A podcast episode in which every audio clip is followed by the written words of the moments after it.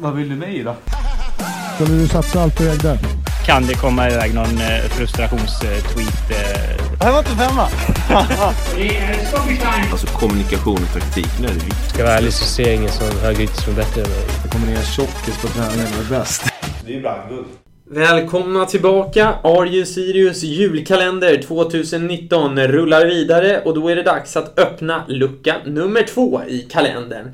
Och det är ju ett nummer, då nummer två, som inte har använts på ett tag i Sirius faktiskt. Eh, inte sedan säsongen 2017 då Jakob Bergman hade den tröjan.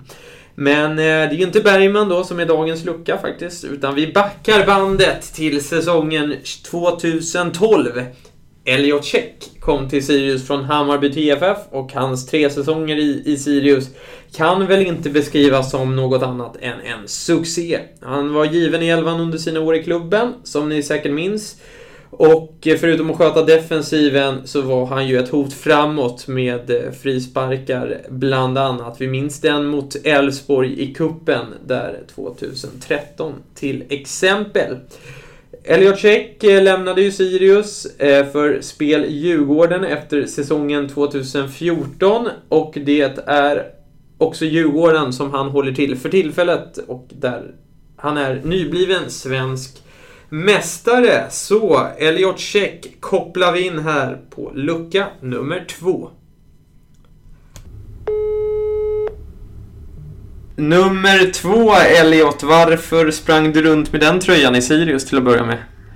Um, jag tror inte jag hade något alternativ faktiskt. Jag tror det var materialförvaltaren där, Ove, som bara delade ut den. Och när han sa något så var man tvungen att lyssna för annars fick man uh, en utskällning. Så att, uh, jag tog den och var glad. Mm. Du har ju haft lite olika nummer här sen du lämnade Sirius också. Vad, vad är egentligen ditt nummer skulle du säga? Um, nej, men jag uh, trivs nog ganska bra med det numret jag har nu, nummer fem. Det känns som ett typiskt vänsterbacksnummer och, och uh, det känns bra. Mm. Hur viktigt är sånt där för dig skulle du säga? Det var väl kanske viktigare förut när man var lite yngre. Nu är det inte jätteviktigt. Men det är klart att det är alltid skönt att ha ett nummer som man trivs med och som speglar ens position. Liksom. Mm, yes. Och eh, Elliot, du kommer ju från en riktig kanonsäsong här med eh, SM-guld och en fin individuell säsong också. Ja, berätta hur, hur du har upplevt det här året. Uh, ja, nej, men det har ju varit ett uh, fantastiskt år såklart. Uh, både med laget, SM-guldet och min egen säsong också. Jag uh, känns som jag har hittat rätt lite igen med att få Kim och Tolle som tränare och jag trivs väldigt bra med deras spelmodell och spelsätt. Så att, det har varit ett otroligt roligt år. Mm. Är det deras ankomst, skulle du säga, som har gjort att du verkligen ja, varit en av allsvenskans bästa ytterbackar i år. Är det, är det det man kan tacka eller vad? Ja, jag tror att det är en kombination av, eh, av att de eh, vet mina styrkor, jag vet vilken typ av fotboll de vill spela och sen också att jag kanske har mognat lite mer och jag tror också att det har bidragit med att jag fått barn och fått lite, liksom, lite mer ordning på livet om man säger så. En annan trygghet.